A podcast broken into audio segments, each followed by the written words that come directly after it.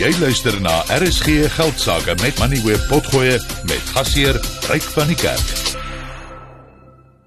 Transnet se bedryfsellende het die Suid-Afrikaanse ekonomie aansienlike skade berokken met sommige ramings wat daarop dui dat die probleme by sy hawens en spoorbedrywighede sowat 5% van die land se BBP in 2023 geskaaf het en dit kom neer op 'n astronomiese 400 miljard rand. Dit wil egter voorkom asof Transnet se doeltreffendheid verbeter het sedert Michelle Phillips in November verlede jaar as waarnemende uitvoerende hoof aangestel is.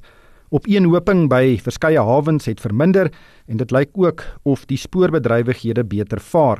In die Desember kwartaal het die steenkooluitvoer langs die noordelike korridor na die Richards Bay steenkoolterminaal met meer as 10% toegeneem.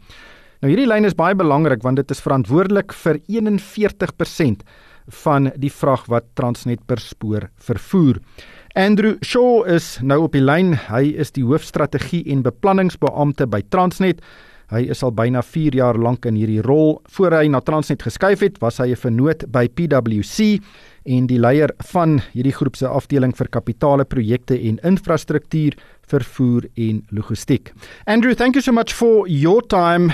Just give us your assessment of the current efficiency levels at Transnet's primary operations? I think from our standpoint, we still probably seem to have a long way to go. But what we do feel is that we've turned the corner in terms of a very, very substantial focus on recovery in the last five to six months. And that is with given the conditions that we have on the network, which are still challenging, and given the challenges we still have around equipment, rolling stock, and crane equipment, I think it's just a drive to improve the basics of how we operate the business, how we drive out volumes, how we focus on performance has had this impact where we are seen to at least be making a more positive change. Still a long way to go. During previous discussions about Transnet, it was suggested that most of the problems or a significant part thereof was infrastructure. There are a number of trains which are not operational due to spare parts not being available also infrastructure challenges at the ports.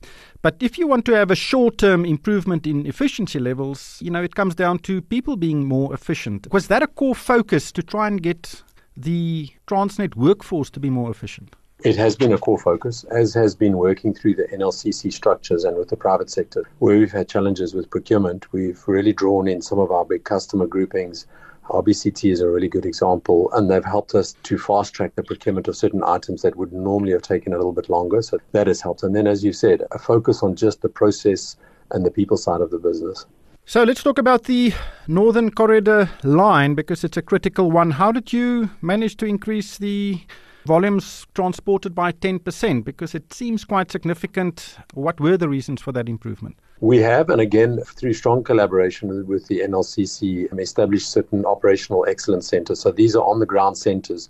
There's one on the North Core, which is at Empangeni, which focuses on actually making day to day decisions on the corridor, collecting the data, being able to make decisions much faster. So that's had an impact the agreement that we struck with RBCT in terms of assisting us to deliver spare parts and to fast track train turnaround time and assist us in operations and performance has also had a key impact. We've also, on the security side, we've really focused hard on trying to reduce the number of security incidents. Now, I don't have for that corridor the statistics here, but I know that we've managed to reduce the number of incidents quite significantly. And each one of those incidents would have caused a train delay or a train cancellation because it is often overhead line that is stolen.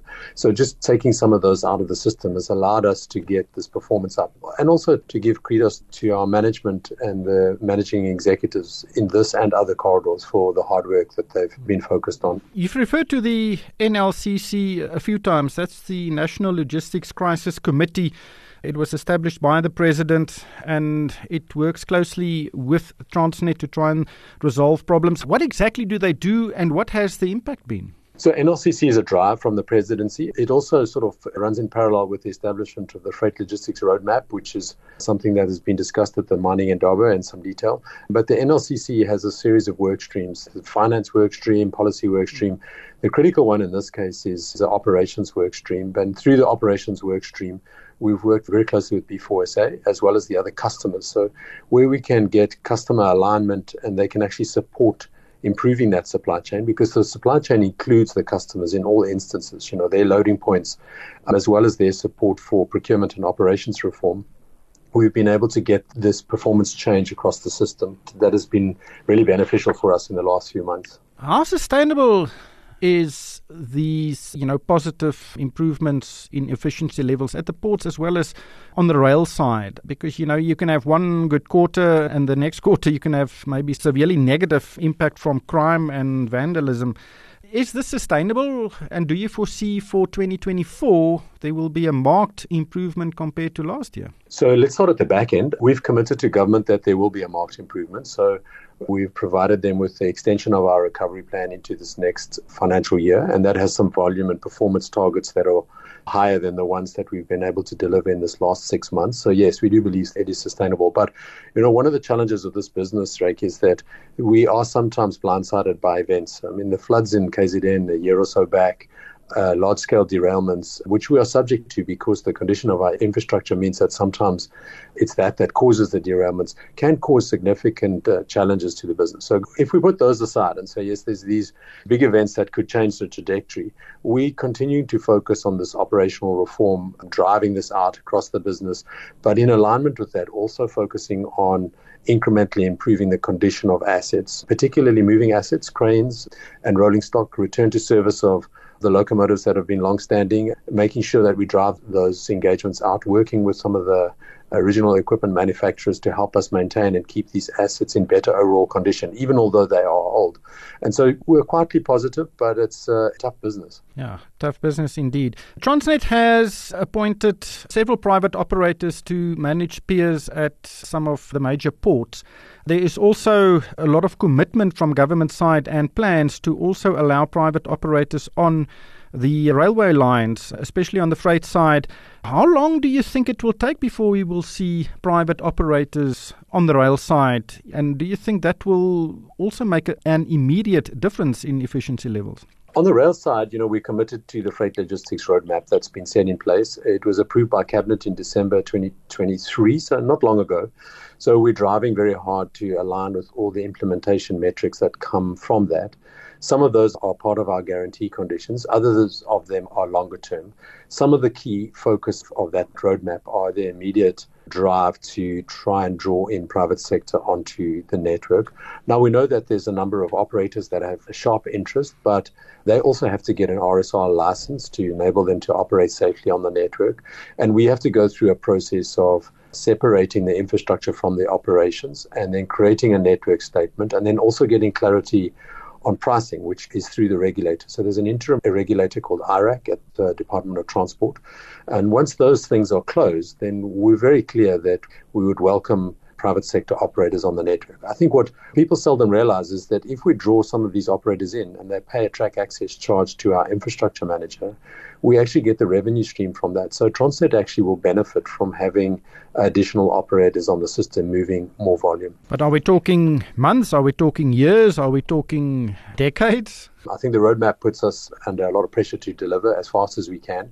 We have to, in the next few months, go through a public consultation process, and we've initiated the agendas for those, and that's a requirement that we have to meet. And then once we have clarity on that and the pricing, process will start from April, but probably by September we would be able to accommodate additional operators on the system. September this year, that's what, six months away? Yes. I think the buy in is so critical from Transnet's side because I think the previous management were not overly excited about the idea of having competitors on its infrastructure. But how significant can the difference be that the private operators make, especially in the short term? Look, I think over time they can make a significant difference. What we can do is we can count the number of potential operators and the amount of rolling stock that they have relative to the size of our fleet is still very small. So it will take a little bit of time for this market to develop. There are a couple of players that are very, very keen to get onto the system and they have available rolling stock. We have a what we kind of call a bridging plan because we need to fund that infrastructure. And so we need the build up of private operators to help us to contribute to the costs of actually investing back into that infrastructure. And we see that as a probably a five to seven year journey to get a significant portion of the tonnage actually moved by new private sector operators. So yes, the enthusiasm is there particularly in sectors such as manufacturing, containers, chemicals, these are the areas that we know that people would like to come and move product on the network. Just lastly, crime and vandalism, that is a major problem and there are many claims that some of the road operators are sabotaging Transnet to keep contracts for road transport and that's a challenging problem to solve. What are your plans there and do you think there could be some prosecutions on the horizon, which obviously would flow through to increased efficiencies at Transnet? We have in NLCC structure a particular work stream that focuses on security. And within that work stream, we have justice and policing and uh, various contributors to that. So, as we did with the pipelines, where we were able to actually reduce the number of incidents significantly, we would hope to have the same impact on the rail system. Now, that has started. And so that work stream has helped us considerably. A key thing is once you get an arrest is to follow through to prosecution. And in the past, that's been relatively low, in fact, very low. And we would like to increase that. We'd also like it to focus on those that are behind some of these crimes, which to a large extent is organized crime that is outside of the realm of the people that actually commit the crime. And so there is a commitment in that work stream to address those particular challenges in the systems. We also have an outcomes based security contract that is separate for each of the main corridors. And the focus of those contracts is to actually empower and incentivize the security contractors to actually reduce the amount of incidents on the system. So that gives a new incentive and a new focus on how we manage the security contractors that we have. We were some months ago also given the opportunity to train up our own Transnet security employed by ourselves to become peace officers, which is really a similar status as a police officer in that they can undertake arrests. And that also gives us some more power within the system to be more focused on the prosecution angle. And is it working? Yes, because we've seen the number of incidents reduce on almost all of the networks. It's still too high. And as I said, I don't have the stats that I can quote back to you on particular corridors like the North Corridor, but we have been successful over this recovery period, the five months that we've been at it. Dankie Andrew, dit was Andrew Shaw van Transnet. Jy het geluister na RSG Geldsaake met Money where potgoe elke weeksdag om 7 na middag. Vir meer Money where potgoe, besoek moneyweb.co.za of laai die toepassing af en volg Moneyweb News om dagliks op hoogte te bly.